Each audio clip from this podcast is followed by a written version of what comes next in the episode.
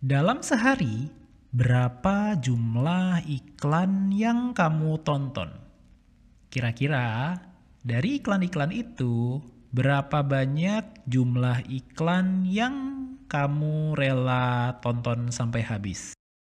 Penasaran nggak kenapa ada iklan yang menarik buat dilihat sampai habis dan ada yang baru detik pertama udah di skip? Kira-kira apa ya formula untuk bikin iklan yang kemungkinan di skipnya itu kecil? Yuk kita obrolin di episode kali ini.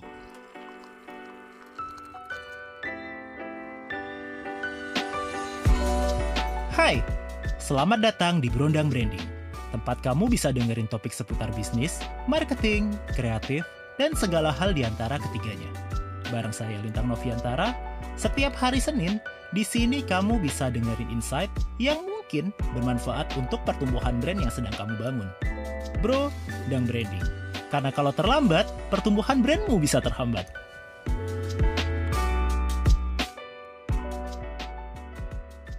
Bayangin kalau kamu sebagai pelanggan sebuah brand, iklan seperti apa yang bakal kamu enjoy tonton dari awal sampai habis sih. Mungkin beberapa dari kita bakal jawab iklan yang ceritanya menarik kayak produksiannya Thailand tuh. Itu loh model-model iklan yang storytellingnya emosional banget gitu. Mungkin juga beberapa dari kita akan menjawab iklan yang fun, yang lucu, yang kocak gitu. Bisa juga akan ada yang menjawab iklan yang modelnya hot mungkin? Nah lo iklan apa kalau ini nih? Mau apa pun jawaban kamu, poin yang akan disampaikan adalah setiap pelanggan punya preferensi iklan yang membuat mereka menikmatinya dari awal hingga akhir. Terus faktanya juga nih ya, bahkan ketika kita nggak begitu butuh produk yang ditawarkan, kalau sebuah iklan dikemas secara kreatif, menghibur, seru, edukatif, atau menyentuh secara emosional, kita bisa tetap enjoy iklan tersebut sampai habis. Fakta itulah yang bikin kebanyakan iklan di ya tadi ya negara Thailand itu ya itu ngerasa kayak kalau kita lagi nonton iklan-iklan mereka kayak lagi nggak nonton iklan gitu kayak nonton movie malah ya.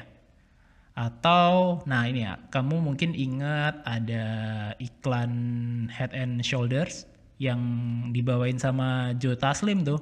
Itu kan iklannya menghibur banget tuh yang keliru-keliru terus tuh loh penyebutan nama brandnya Terus kamu juga pasti tahu kan, ada iklan yang tayang di Super Bowl. Super Bowl tahu kan ya, itu loh iklan-iklan yang tayang di musim American football itu. Saking menariknya iklan-iklan Super Bowl sampai bisa jadi pembicaraan tersendiri di samping permainan American footballnya itu sendiri tuh. Lah, Tang, tapi kan itu iklan-iklan yang biaya produksinya jutaan dolar apa kabar kita yang budget promosinya tuh seadanya aja nih? Tenang, ada beberapa formula iklan khas Super Bowl yang bisa kamu coba. Apa aja itu after quick break. Buat kamu para pemilik brand yang sedang tumbuh, di Akar Mula kamu bisa ikutan sesi 60 Minutes About Your Brand. Di sesi ini kamu bisa sharing bareng tim brand strategis Akar Mula untuk mencari solusi yang paling tepat dalam mengatasi challenge yang sedang brand kamu hadapi. Cara daftarnya, klik www.akarmula.id, lalu kamu bisa pilih jadwal brand consultation yang tersedia. Buruan daftar sekarang dan temukan insight baru untuk solusi tepat pertumbuhan brand kamu.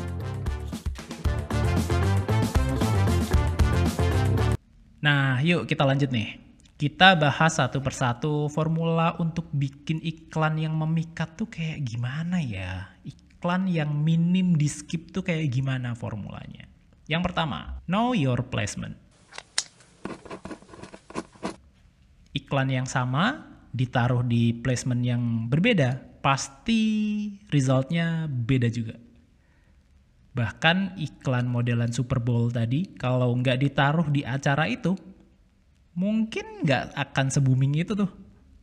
Kita semua tahu iklan zaman sekarang ada yang bisa di skip, ada yang nggak bisa. Kalau kayak Super Bowl jelas nggak akan bisa di skip.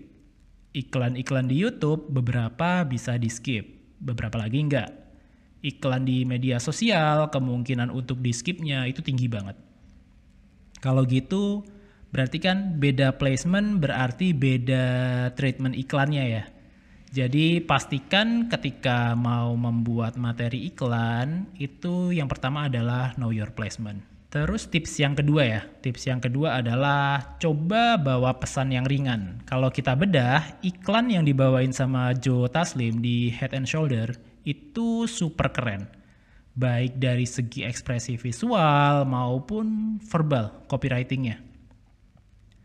Pesan yang dibawa pun cenderung universal dan fun pesan yang enak buat ditonton sampai habis biasanya punya pendekatan pesan yang ringan-ringan kayak gitu tuh supaya bisa ditonton semua kalangan.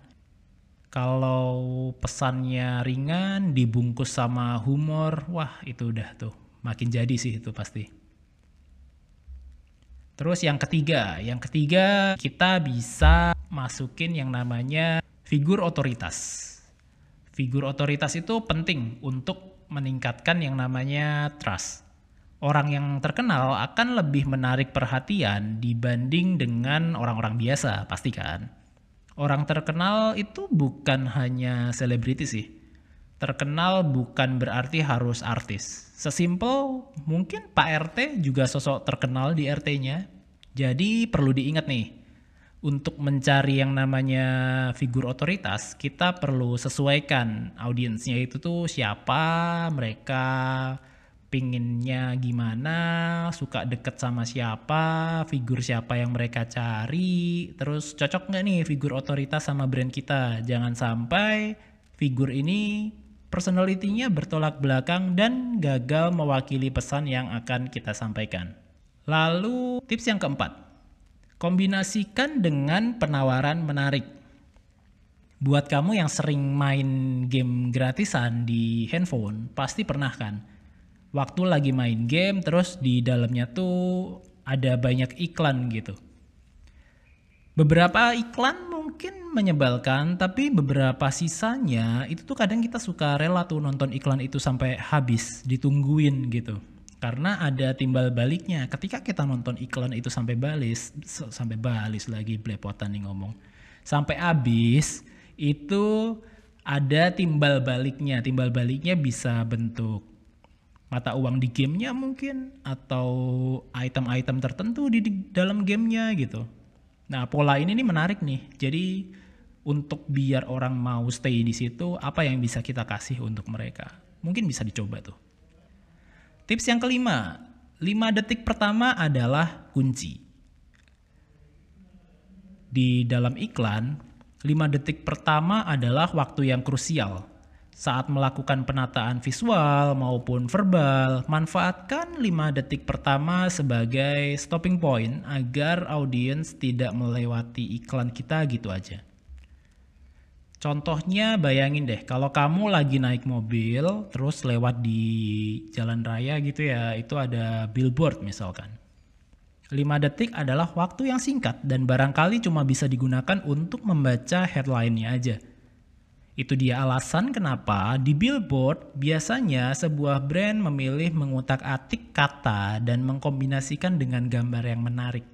Jadi yang paling dapat kita tangkap pertama gitu ya yang kita tangkap pertama tuh pasti headline-nya. Antara headline sama visual yang menarik gitu. Makanya pasti permainannya ada di copywriting terus penggunaan gambarnya unik atau enggak nge-support message yang mau dibawa atau enggak kayak gitu gitu tuh. Gitu juga ketika kita beriklan di YouTube. 5 detik pertama adalah waktu di mana kita perlu mendapatkan atensi dari ideal target market kita. Ketika 5 detik ini tidak dimanfaatkan, mereka akan segera klik tombol skip ad dan usaha kita untuk menyajikan iklan akan menjadi sia-sia. Oke, kita sampai di ujung episode. Seperti biasa, kita bakal tarik sebuah kesimpulan dari obrolan di episode kali ini. Iklan yang kita tonton setiap hari makin gak karuan jumlahnya. Makin dipersulit lagi dengan attention span yang kita miliki itu ya, itu tuh semakin menurun. Ketika sudah mengenal tujuan iklan yang dibuat, pastikan untuk memahami bagaimana iklan ini sebaiknya disampaikan. Bisa dari utak-atik placementnya, bisa dari kita cari tahu siapa figur yang harus ada di dalamnya, dan bahkan dari skrip yang mau disampaikan juga harus diperhatiin karena skrip itu kan basicnya penyampaian pesan ya. Dari skrip ini ketika itu untuk kebutuhan billboard yang printed itu bisa kita peres tuh. Skrip yang panjang kira-kira dijadiin 1, 2, 3, 4, 5, ya 7 kata kira-kira bakal kata apa sih yang muncul gitu. Dijadiin satu kalimat kira-kira kalimatnya bakal kayak gimana. Butuh body text atau enggak jadi sebisa mungkin itu harus beres dulu di awal. Sesuatu yang membosankan akan tetap menarik bagi sebagian orang.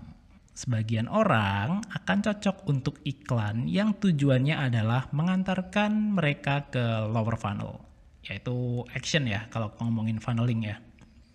Ya kan, jadi kan maksudnya sebagian orang itu tuh yang namanya sebagian kan nggak seluruhnya berarti kan berarti semakin funnel turun ke bawah itu makin sempit. Bagi sebagian orang, iklan yang membosankan bisa jadi tetap menarik untuk mereka gitu, karena mereka memang benar-benar butuh.